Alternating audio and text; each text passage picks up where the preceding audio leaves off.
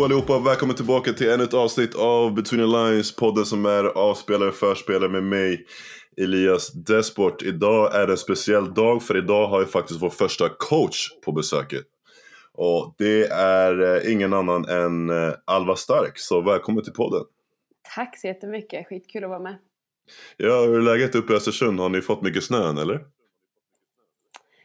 Eh, nej, inget snö än faktiskt. Det är dock eh, skitkallt. Eh, jag tror vi har touchat vid minus fem, men så här, känns som minus tio står det eh, senaste veckan. Och alltså, det var lite snö i luften idag, men ingenting som ligger på backen. Men det, det är bara en tidsfråga. Men annars så rullar det på här uppe faktiskt.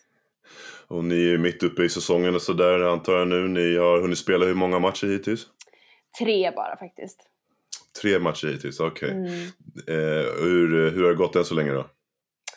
Eh, alltså en ganska frustrerande start. Typ. Vi har haft eh, sjukt mycket otur eh, mm så här i Mhm. början. Vi har eh, haft eh, ja, oturskador helt enkelt. Vi har haft Mm. en bruten tumme, eh, en bristning i vaden och eh, sen så signade vi våran tredje import Ehm, vid ett senare datum så hon har inte anlänt än. Så att vi har haft en ganska tuff start på så sätt i och med att vi liksom inte haft tillgång till alla spelare. Så att eh, det är skitkul att säsongen är igång. Det har varit, känns som en lång försäsong med mycket träna och inte så mycket matcher. Vi spelade bara en träningsmatch vilket var ganska ja, frustrerande. Men eh, ja, det, har, det är skönt att vi är igång i alla fall men det kan bara bli bättre känns det som just nu i alla fall. Mm, mm. Ja, på väg mot ljusare tider får vi hoppas. Mm. Mm. Jag tänker vi kan toucha lite mer angående det här med, ja, med försäsongsträning och ja, coachlivet generellt tänker jag i- senare i avsnittet. Men jag tänker vi börjar lite grann med några isbrytare här för att komma igång. Ehm, så Yes. första frågan som jag ställer till dig, som jag ställer till alla som är med, har varit med på podden egentligen, är ju den bästa svenska spelaren som du spelat med eller mot? Mm, oj. Medel...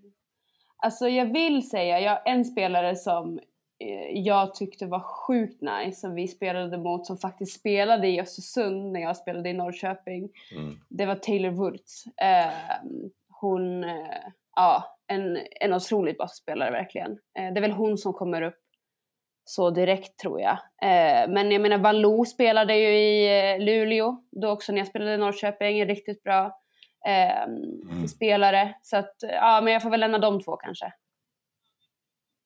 Mm. Mm. Vilka position spelar de på? Eh, båda är ja, men typ shooting guard skulle jag vilja säga. Shooting guards? Okej, ja, scorers antar jag eller? Ja, verkligen. Mm. Ja, de är Ja. riktigt, riktigt duktiga båda två. Spelar fortfarande. Eh, Julie Van Loo spelar ju i Belgien och vann nu senast här i EM. Så att hon är en, en riktigt skarp Mm. spelare. Mm, mm. Nästa fråga. Paradrätt för att imponera? Ah, jag är faktiskt eh, dunder i köket, ska inte ljuga. Riktigt duktig. eh, men det får väl bli eh, kanske någon pasta. Jag gör en riktigt god salsiccia-pasta, så det kanske får bli den. Okej, okay. är det mycket kantarellpasta som gäller nu när det är säsong? Nej, jag är inte någon skogsmänniska. Så Okej. Det blir bara eh, kantareller när eh, jag får lite av morsan. Jag har faktiskt fått eh, någon påse så här av henne nu. Men nej, annars blir det kanske inte så jättemycket. Jag är inte i skogen och letar och så. så att... Okej, okej, okej. Nästa fråga då. Favoritsko som spelare som du spelar i? Mm. Så ett tag där var jag riktigt inne i KDs. Eh, Men jag får väl ändå kanske, ja. Kobe's kanske också. Det är väl någon av dem två skulle jag säga. Det var fan ett tag sedan. Men det är de jag minns att jag, var, att jag gillade att spela i alla fall. Mm. Ja, Kobis. Det är många som säger Kobis faktiskt. Jag har själv spelat i Kobis. De är faktiskt oslagbara måste jag säga. Ja, ja, det känns som ett litet standardsvar kanske också.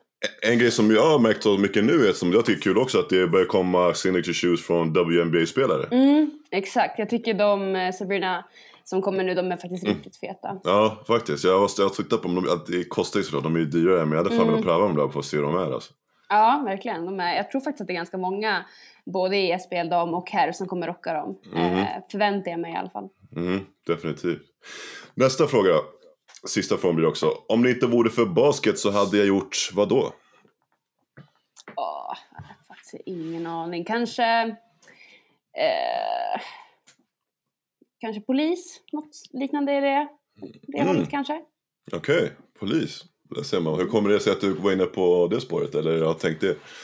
Eh, nej men jag tror, alltså jag, lite kanske som basketyrket, varför det passar mig, att det är ganska eh, mycket spänning. Eh, man blir stimulerad och det känns som att det yrket så, så hade man fått lite samma ja, alltså utmaningar dagligen känns det som. Mm. Så jag tror att det, det får mig att bli stimulerad och det, därav skulle jag nog tänka mig att jag skulle eh, finna det yrket fascinerande. Mm. Konstapel Stark, det låter ju som en serie typ. Mm, exakt. Och Beck- Becka-serie alltså. Ja, det är en riktig sucker för alltså.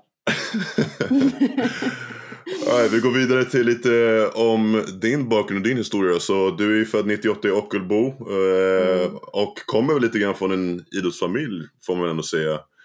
Eh, Ja, pappa, pappa har varit GS för förbundet men också väldigt involverad i hockeyn. Eh, Mm. bland annat. Eh, men berätta lite grann om hur det var för dig att växa upp i, i Ockelbo och sådär och din bakgrund och barndom. Mm. Nej, verkligen. Jag tror, alltså verkligen så uppvuxen i en baskethall. Eh, pappa och mamma har spelat basket. Eh, Mhm. Jag har två bröder, båda två spelar eh, basket och ehm, ja, det har väl egentligen alltid varit mycket idrott. Eh, Mm.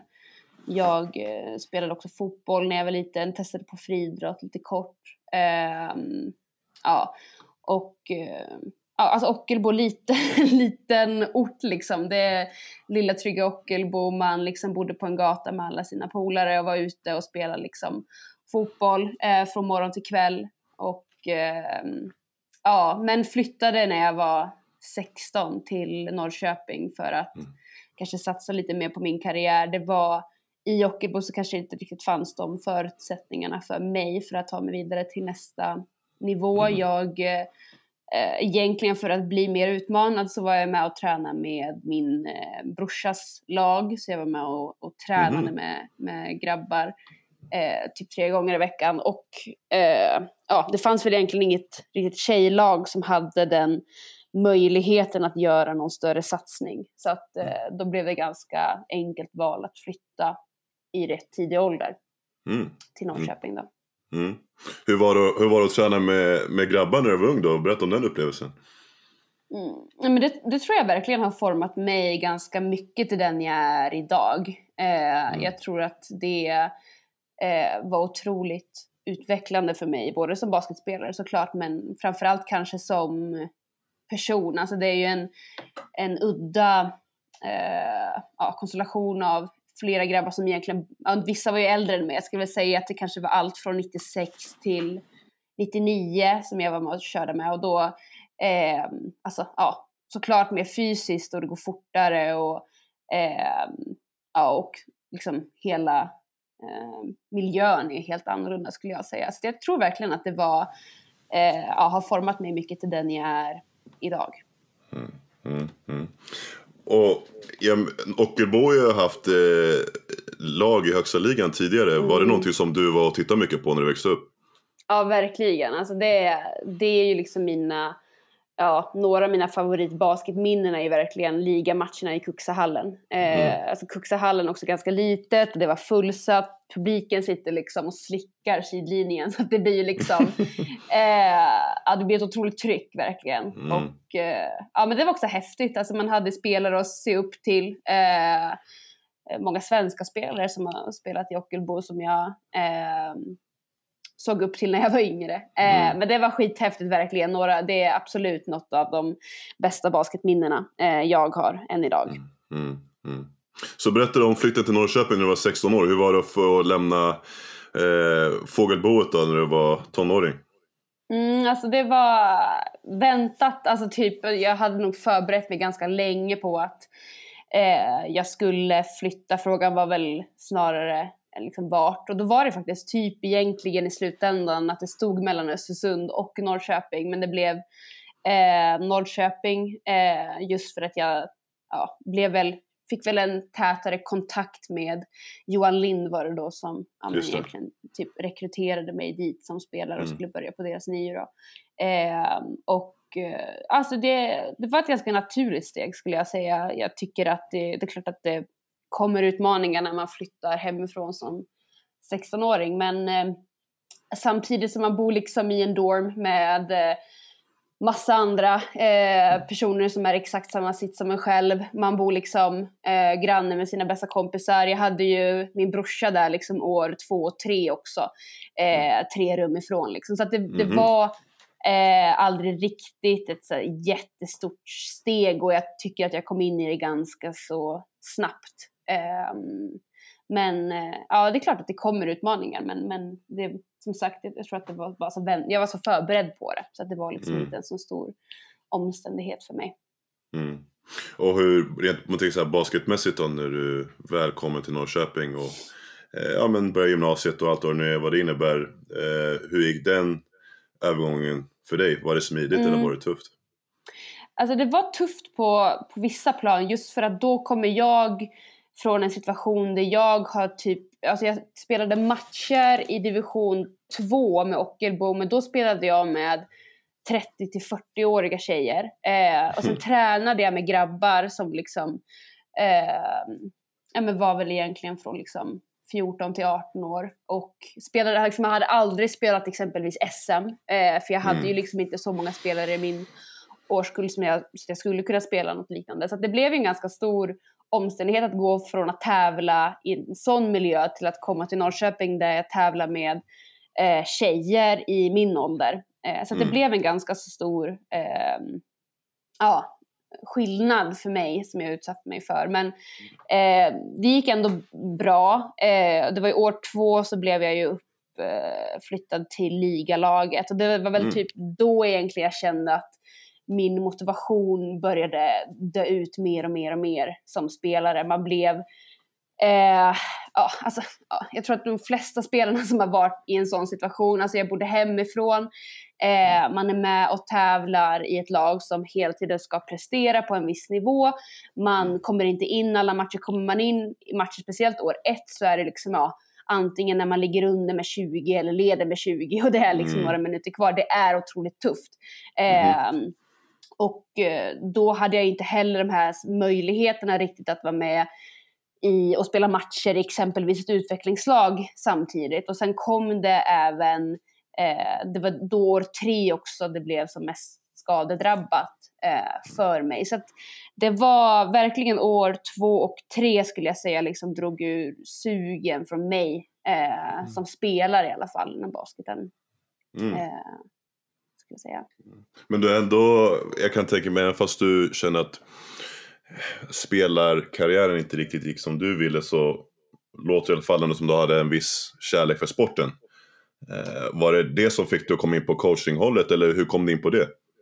Ja exakt, alltså jag tror, alltså basket har ju alltid varit det som jag brinner för och sen så tycker jag väl att eh, det är en utmaning att hamna i en elitmiljö så tidigt som jag gjorde och mm.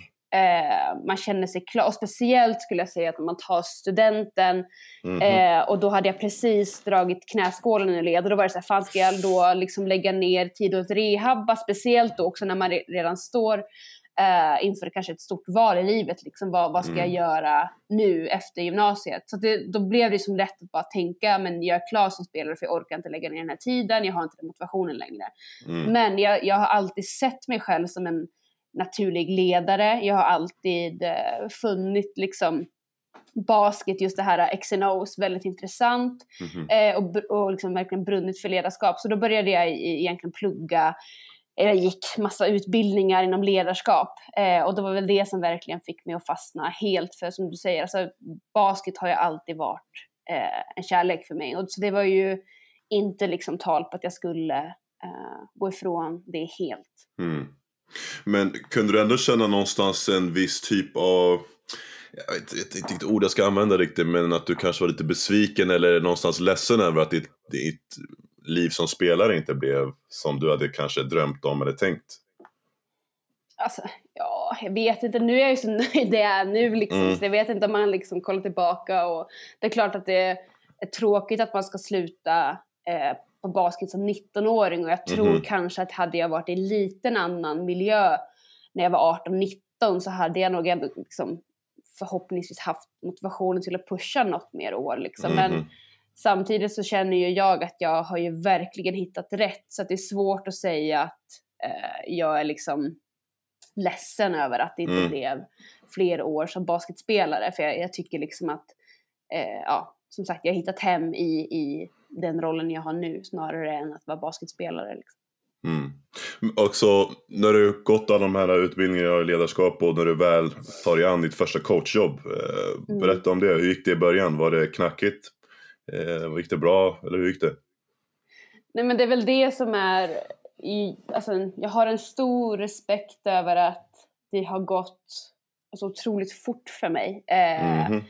inom eh, liksom, den resan som jag har gjort. Och jag vet, efter gymnasiet så flyttade jag till Uppsala och bodde där ett år och det var då jag egentligen pluggade eh, eller gick massa utbildningar och eh, det var ju då min eh, pappa var eh, AGS på Basketförbundet. Och det här är ju någonting liksom som jag vet att det är viktigt att prata om och toucha för det är också att jag är kvinna i ett otroligt mansdominerat yrke eh, där jag blir otroligt normbrytande och det är ju eh, jag är helt säker på att jag hade tagit mig där jag är idag eh, på något sätt men det finns ju den underliggande orsaken till att det gick så snabbt är ju för att tack vare min pappa så har jag ju kunnat eh, hittat kontakter som har fått mig att kunna ta ganska snabba steg i min coachkarriär. För det var ju egentligen pappa som var med och pushade så här, men eh, region liksom, var med på det. Du hade tyckt att det var skitkul och då, ja, då tog jag det steget och var med som regionscoach. Det var liksom mitt första coachuppdrag på riktigt. Eh, och det gick skitbra. Vi, eh, vi vann guld det året eh, Mm. på Micke Herkel Cup och eh, jag fick, eh, och, och mycket handlar också om tur och tillfälligheter skulle jag säga. För jag hade också då turen att Per Kjellmans, ehm, eh, han var där och kollade för han hade en, en, eh, en släkting som var med i, en spelare som jag coachade då och han, han tyckte, han såg att jag var unik i mitt eh, coachande så att han sen vidare kontaktar ja, men Fredrik Julamo och säger Alva är en, coach som ni borde satsa på. Och Mm. redan då år ett så får jag komma in och vara med på landslaget på eh, damer U15. Så det, det gick väldigt fort där och det vet ju att ja, men allting började ju på grund av min pappa. Sen har ju det är inte min pappa som har gett mig alla möjligheter som jag har fått inom coach, men det var han som startade någonting och det är ju Mm. också lite på grund av hans eh, position och som sagt att jag har kunnat knyta mig an de kontakter som jag har och det har gett mig chanser som jag har tagit. Eh, men också då att i Norrköping, när jag flyttade tillbaka till Norrköping efter ett år i Uppsala så eh, en nära vän till mig idag, Johan Lind, eh, såg också att jag hade egenskaper eh, som var unika inom eh, ja, ledarskap, coachyrket eh, och tog, mig, ja, men tog sig an mig egentligen och jag fick se och lära från honom i ett år. Så att mycket handlar ju om tillfälligheter men i mitt fall så har det varit mycket av eh, kontakter och jag är jättetacksam över min pappa som har, har kunnat hjälpt mig eh, att, Mm. att knyta mig an de kontakterna jag har. För jag kommer inte sitta och vara liksom naiv och säga att jag har tagit mig från 0 till 100 helt själv utan det, jag har fått den stöttningen och hjälpen och det är jag jättetacksam över. Och eh, som sagt sen har jag ju fått bevisa eh, hur Mm. duktig jag är och därmed Mhm. så har det kommit nya möjligheter för mig också. Mm. Jag tänker det här med kontakter, alltså egentligen det är ingenting konstigt. Alltså, jag menar vi alla behöver ju hjälp av våra kontakter någon gång i livet. Liksom. Det, det är så livet funkar tyvärr. Det är det klassiska man säger, det handlar inte om vad man vet utan vem man känner ibland. Liksom. Det, Det är verkligen så. Jag tror att det är, det är inte en tillfällighet heller liksom att det är ofta, ja men eh, man har en förälder som är, är riktigt duktig på basket. Alltså det är inte, oftast liksom inte en tillfällighet att Mhm. barnet också hamnar i de banorna. Alltså det, det är mycket med kontakter och, och, och därmed så kommer förmodligen vägen kunna bli lite lättare och det är sjukt orättvist i, i vissa fall men eh, Mm. jag skulle säga oavsett om man är sugen på liksom börja coacha eller någonting så är att knyta sig an och skapa ett kontaktnät otroligt viktigt. Mm. Jag tänker på att du måste gå tillbaka och du nämner liksom att din familj är så ja, men sportintresserad och liksom för detta bara spela allihopa. Vad hade ni för mm. diskussioner liksom runt, runt eh, middagsbordet tänker jag när, när ni var små och sådär och föräldrarna kanske fortfarande spelade eller ja, bröderna och så vidare. Hur, hur, hur lät det då liksom? Var det mycket eh, tävlingsinriktat att ja men shit jag är bättre än dig och fram och tillbaka? för jag tänker du, jag kan tänka mig du som ändå är syrra med två bröder. Uh. Så, eh, det kanske blir så att, och speciellt när du spelar mot andra grabbar och tränar mot andra grabbar mm. dagligen i Ockelbo, då kanske det är så att du vill bevisa någonting för dem också som är din egna familj. ja men verkligen, alltså jag skulle också säga att hela min familj är sjukt tävlingsriktade. Alltså det mm. är det är på en ganska så ibland ohälsosam nivå.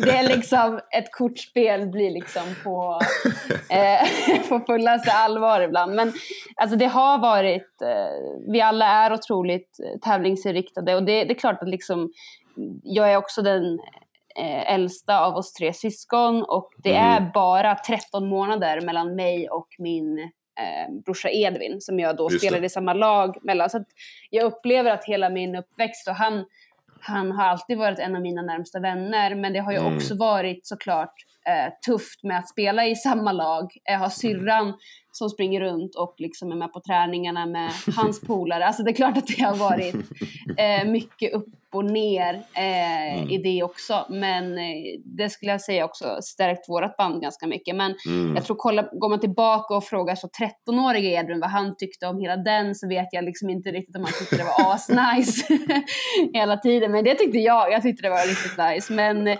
nej, det är klart, alltså hela vår familj är väl, vi pushar varandra till att mm. utmanas och, och våga oss an nya saker liksom. Och så har det alltid mm. varit världen idag.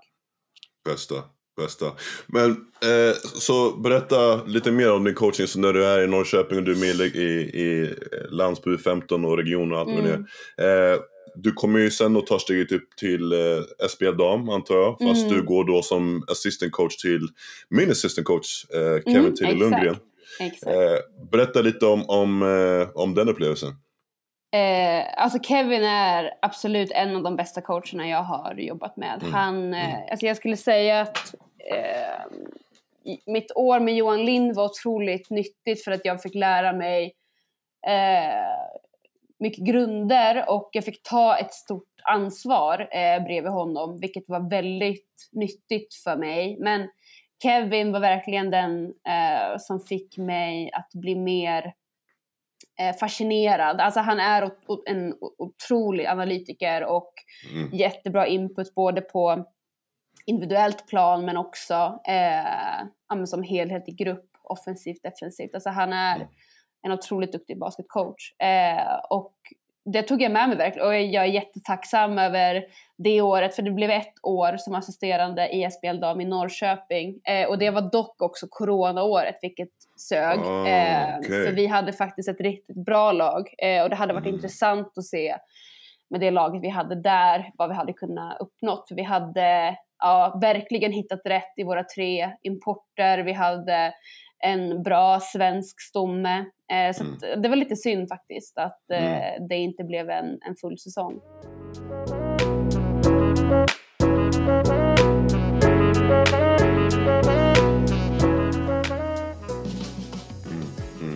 Men om du, nu när du är headcoach, så vi kan gå in lite mer på det senare, men berätta lite grann skillnaden som assisterande, alltså i din roll som assisterande coach kontra headcoach. Vad var mm. du fick göra mer när du sitter bredvid Kevin kontra idag och mindre av om du fattar vad jag menar? Mm, jag skulle säga liksom att mina eh, styrkor som ledare, coach kommer fram mer som headcoach än som assisterande. Eh, mm. Tycker jag. Jag tycker att jag är en betydligt bättre headcoach än assisterande. Och det är någonting som jag behöver jobba på också såklart. Men mm. jag tror också att det har lite med att göra med att Alltså jag har ju varit headcoach i fler säsonger än vad jag har varit assisterande.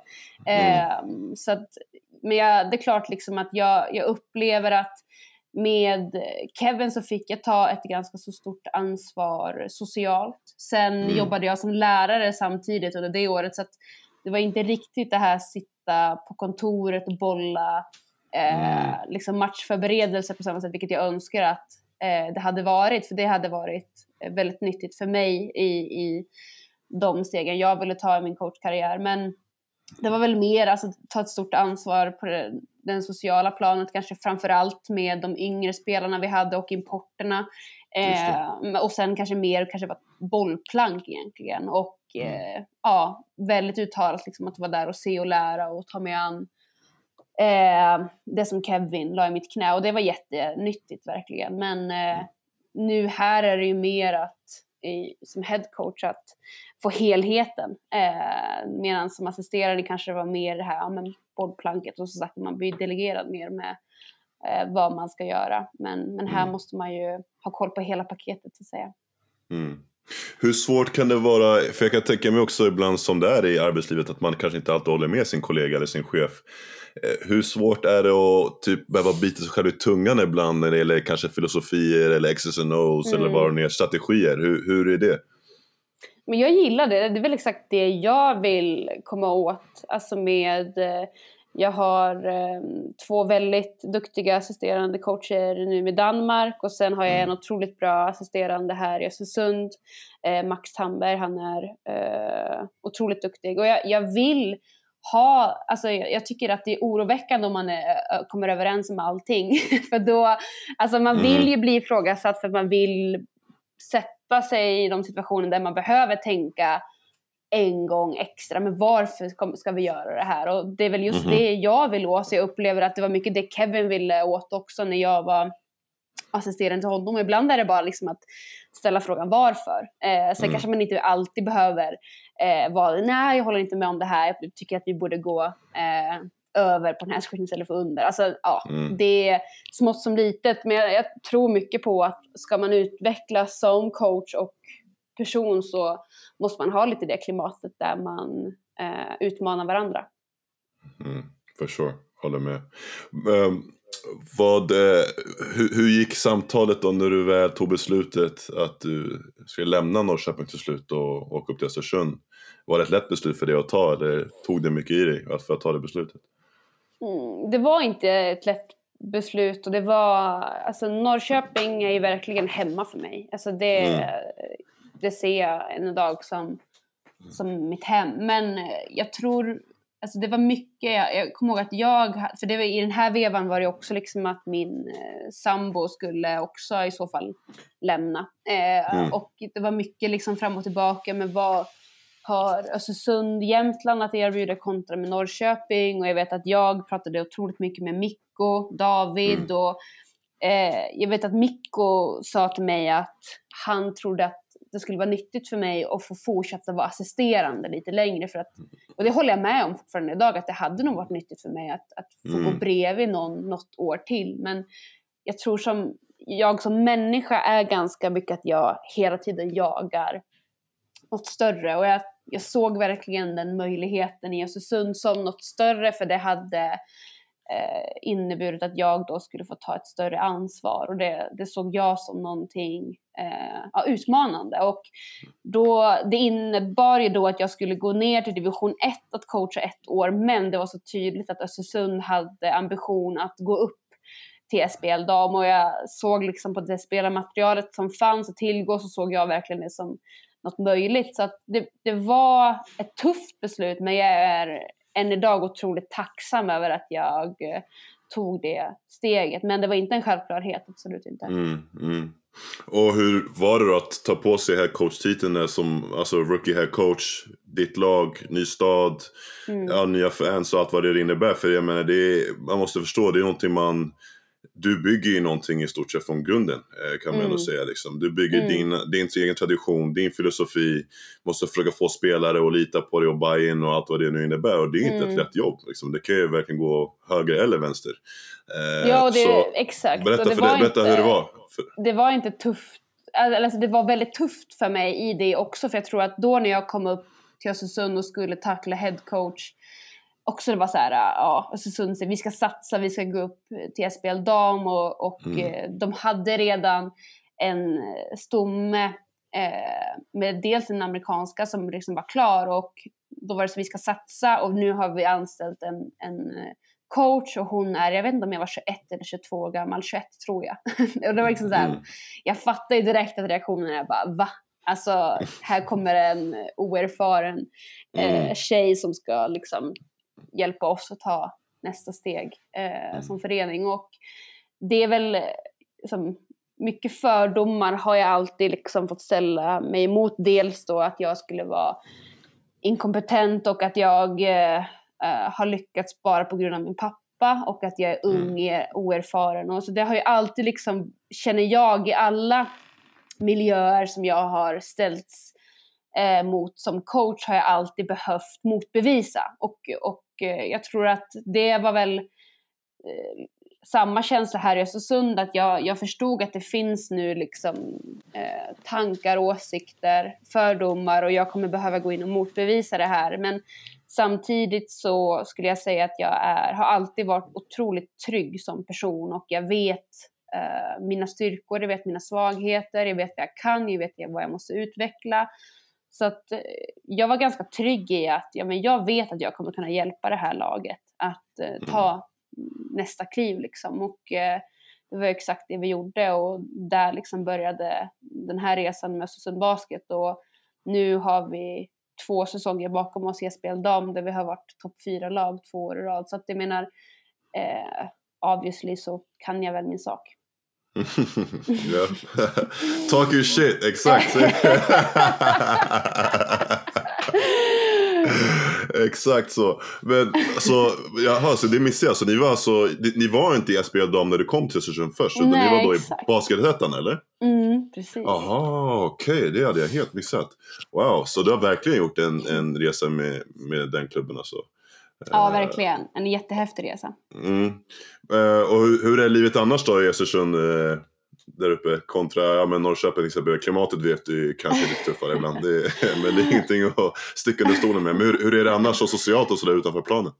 Mm, men alltså jag, jag eh, har liksom, jag älskar Östersund på så många sätt. Jag skulle säga att baskethypen är något utöver det vanliga. Jag kände absolut inte samma hype i Norrköping, alltså det, mm. och, vilket också är liksom alltså Sund är mindre. Eh, det är också så här att man går här på ICA liksom och då alla säger ah, bra, spe alltså, bra match mm. i helgen, eh, mm, mm. nästa är på lördag. Alltså det är liksom, här blir man eh, verkligen en person som de kopplar till basketen och eh, det är ja, en, en häftig känsla så i stan. Det är en otroligt liksom, idrottsstad och ja, hypen kring basket är väldigt stor så det är häftigt. Sen, ja alltså det är ett faktum att Östersund ligger ju fan mitt i ingenstans. det är tufft, alltså bortamatcherna, speciellt när lag kommer upp hit och så har mag och klaga så ja det var en lång tågresa, man säger ja så är varje bortamatch för oss. Ni har en eller ja, två sådana, vi och Luleå liksom. Ja. Eh, och det är väl lite det man kanske saknar med Norrköping att geografiskt så ligger det ju otroligt mycket bättre. Så det är väl det, det enda liksom nackdelen. Vädret och eh, mm. vart det ligger på kartan, det är det enda negativa jag har att säga mm. om Östersund. Annars så älskar jag verkligen staden och människorna och eh, mm. basketen här. Mm. Och du nämnde precis innan, ni var topp fyra två år i rad där i, i och det var semifin semifinalister senast mm. förra året. Och åkte ju tyvärr ut mot Luleå som gick och vann SM-guld till slut mm. med ett monsterlag måste man ändå hålla med om. Ja, verkligen. Eh, men eh, vad, vad är ambitionerna i år då? Skulle ni vilja ta hela vägen till final antar jag nu och komma över den där lilla tröskeln?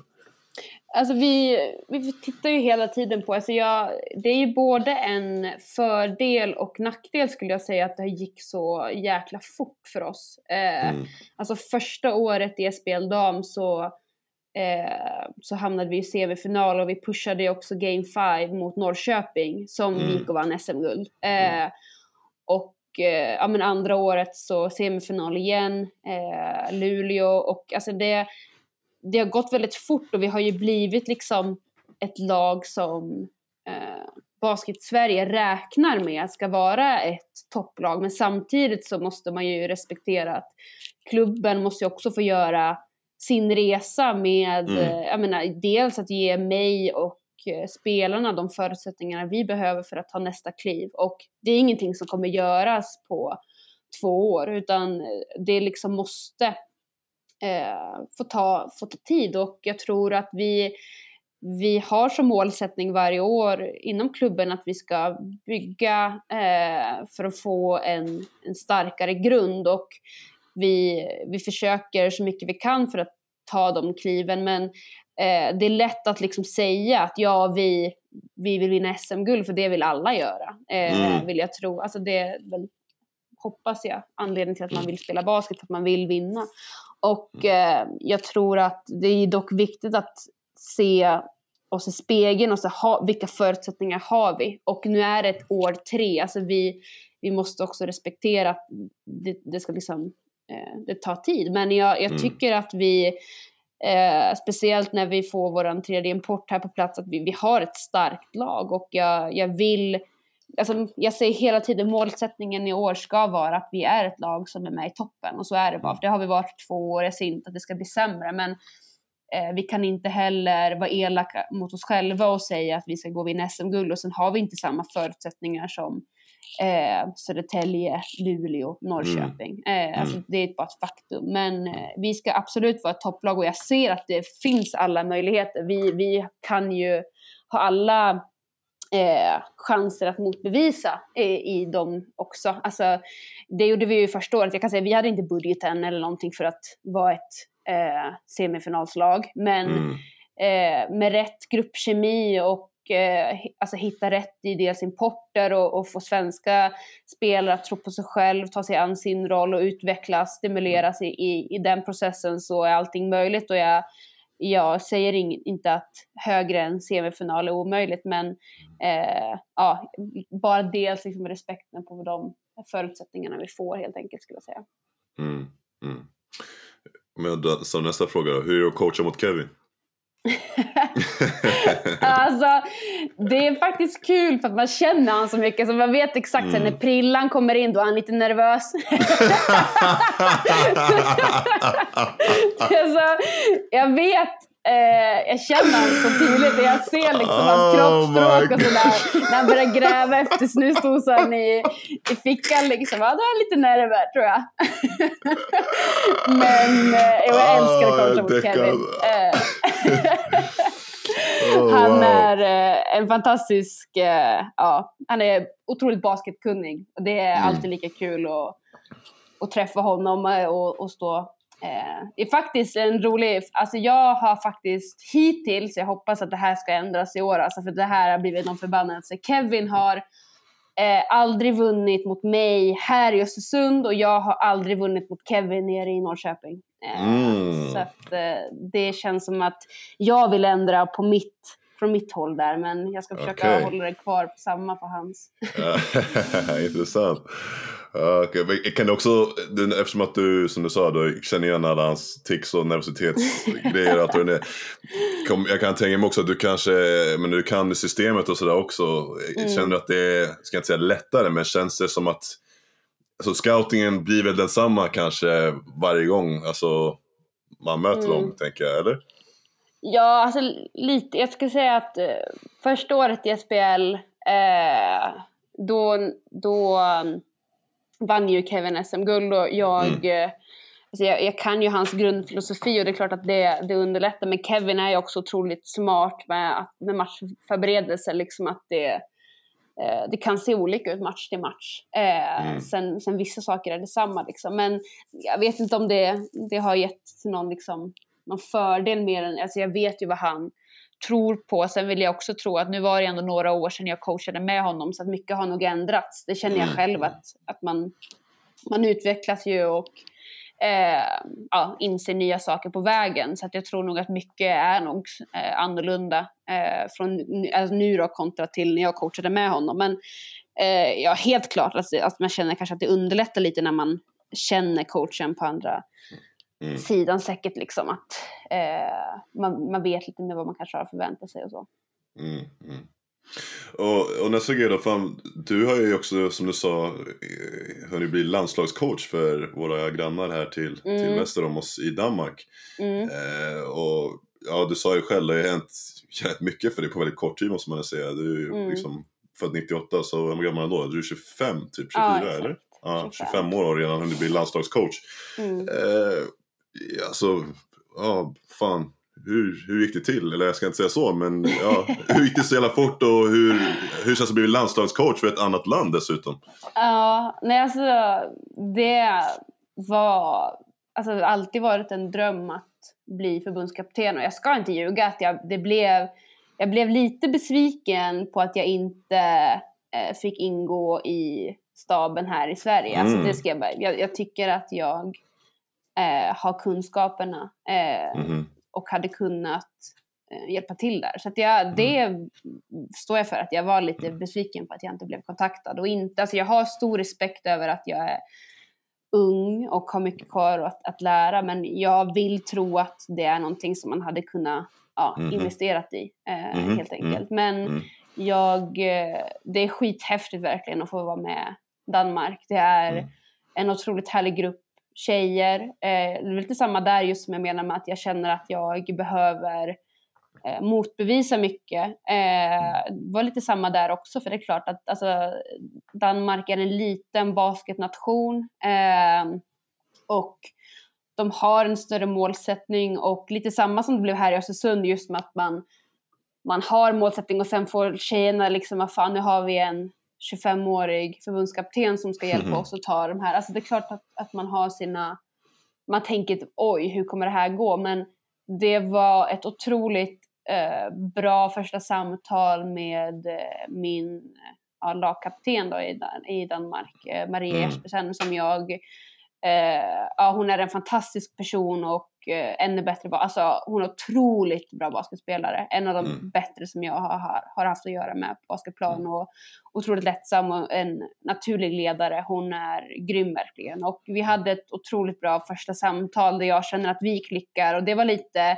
som en eh, lättnad för mig för då kände jag liksom att ja, men, det här känns positivt, nu kan vi bygga på någonting och eh, det var häftigt också för det första, eh, första gången jag fick träffa tjejerna så hade vi ju tre dagar i Danmark och sen åkte vi till Japan eh, och wow. eh, spelade tre träningsmatcher mot eh, OS silvermedaljören. Så det var häftigt och eh, såklart ett eh, coolt upplägg eh, för mig då i, i den nya positionen. Så det var ja, jag stormtrivs och jag är otroligt glad över att det är en sån eh, bra grupp också.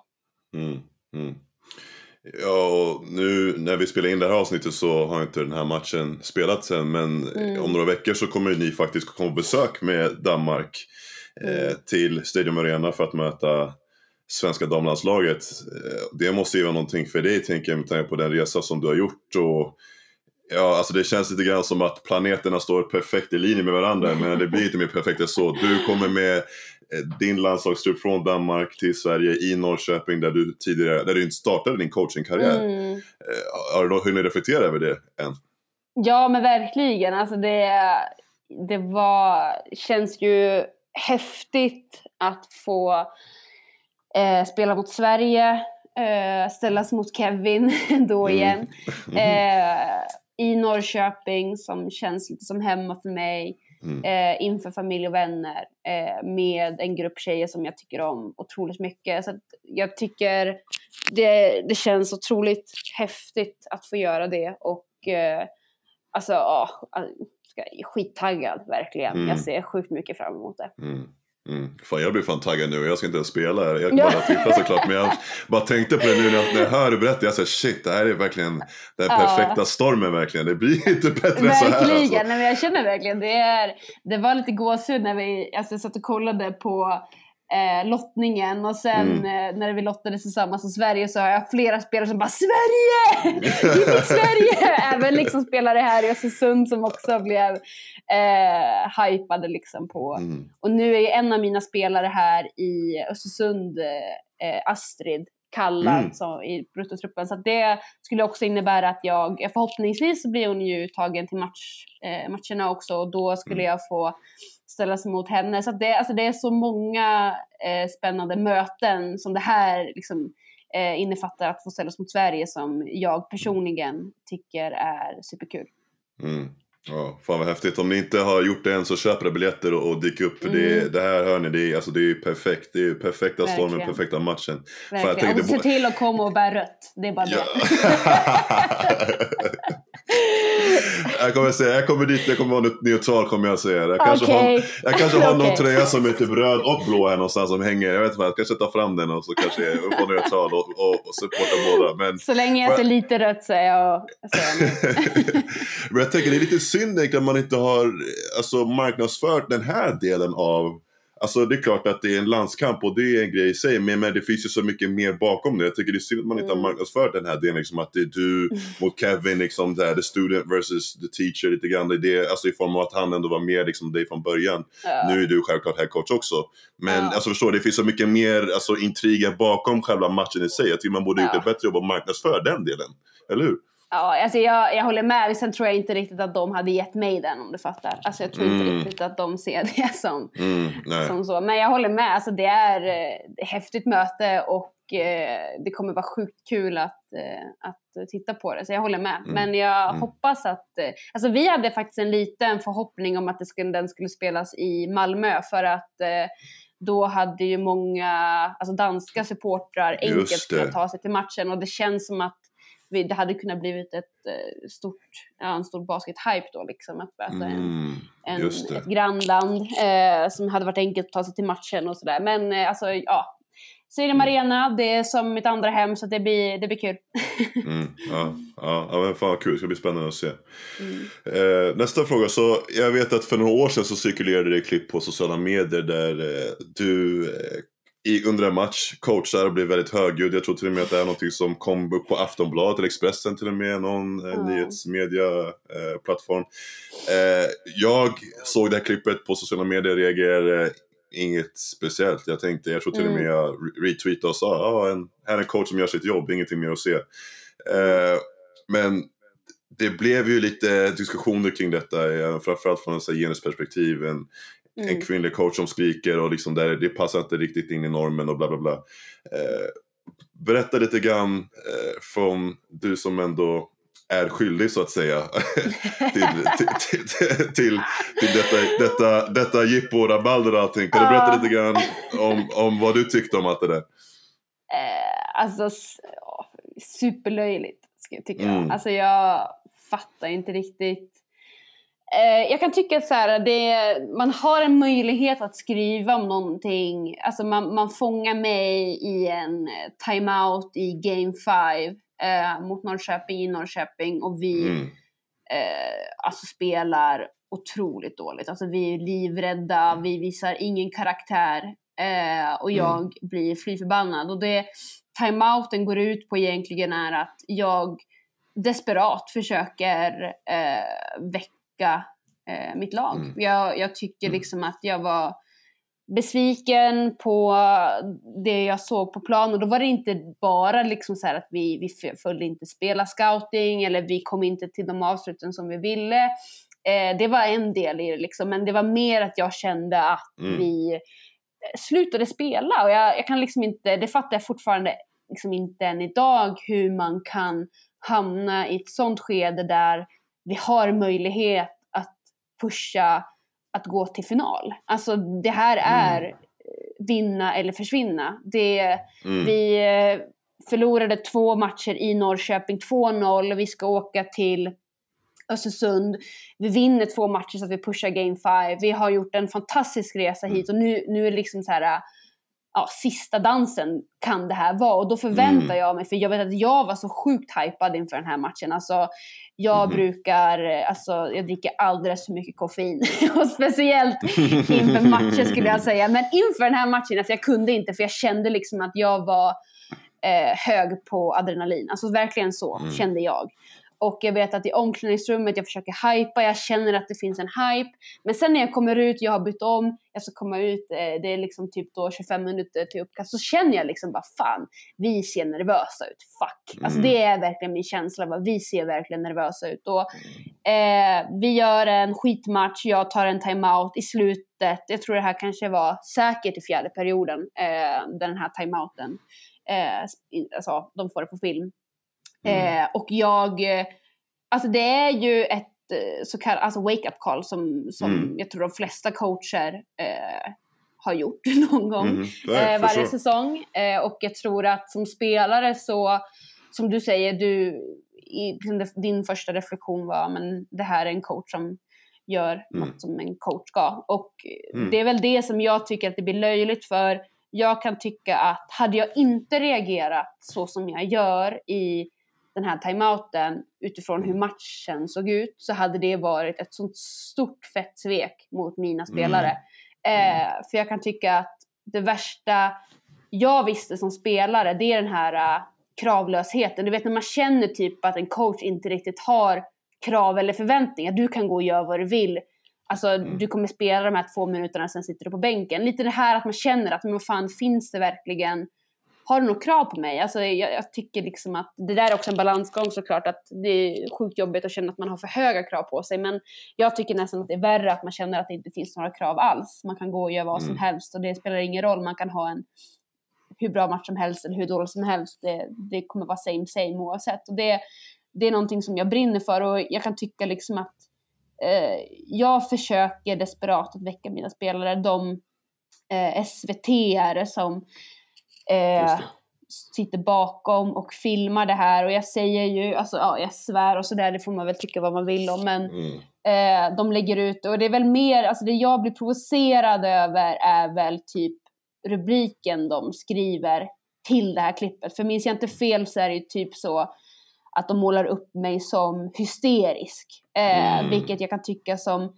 som kvinna speciellt att det är väldigt lätt att som man så, så är det okej att agera på känslor i sådana här fall för att då, då har du tänkt igenom det, du är förbannad och det är verkligen så liksom, ja, maskulint och förbannad. Medan om Mm. en tjej eh, rasar upp över någonting, då är man hysterisk eller typ instabil. Och det är väl det som jag tycker blir lite fel i det här klippet, att man, eh, och hur man skriver det, att man målar upp mig som en person eh, som ja, inte är så speciellt charmig. Och man försöker göra en intervju med mig efter och då frågar man egentligen bara om säsongen men inget av det tar med i den här artikeln utan det de väljer att fokusera på är den här timeouten vilket jag mest tycker är tragiskt men samtidigt Mm. så känner jag väl lite så här, det var, det var eh, speciellt att det var så många som reagerade på klippet men samtidigt kände väl jag själv att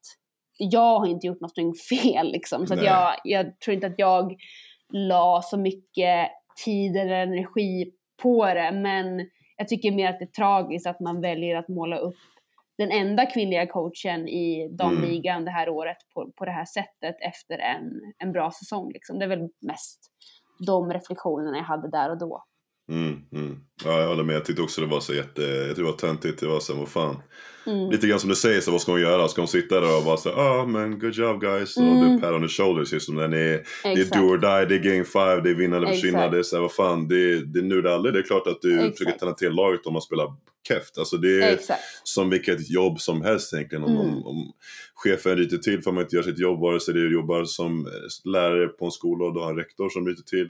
Eller om du är coach. Alltså det är klart att jargongen kanske låter lite olika. Men jag menar Mm. syftet är ändå samma sak. Liksom. Det är såhär, yo, wake up, vad gör du? Ja, exakt. Jag Mm. tror att, eh, alltså som sagt, mina spelare reagerar inte på det och i Mm. slutändan av dagen så är väl det det viktigaste för mig. För det är klart att man kan bli frustrerad som spelare om man känner att man får skit och det inte är befogat. Alltså man fattar Mm. inte var, varför man får skit. Men i det här fallet så var det ganska tydligt eh, liksom. Och då tror jag att man som spelare inte, eh, ja, alltså det är ju ingenting så personligt. Mm. Eh, utan Mm. det, det, är bara, det är mitt jobb, jag ser det som en skyldighet helt enkelt.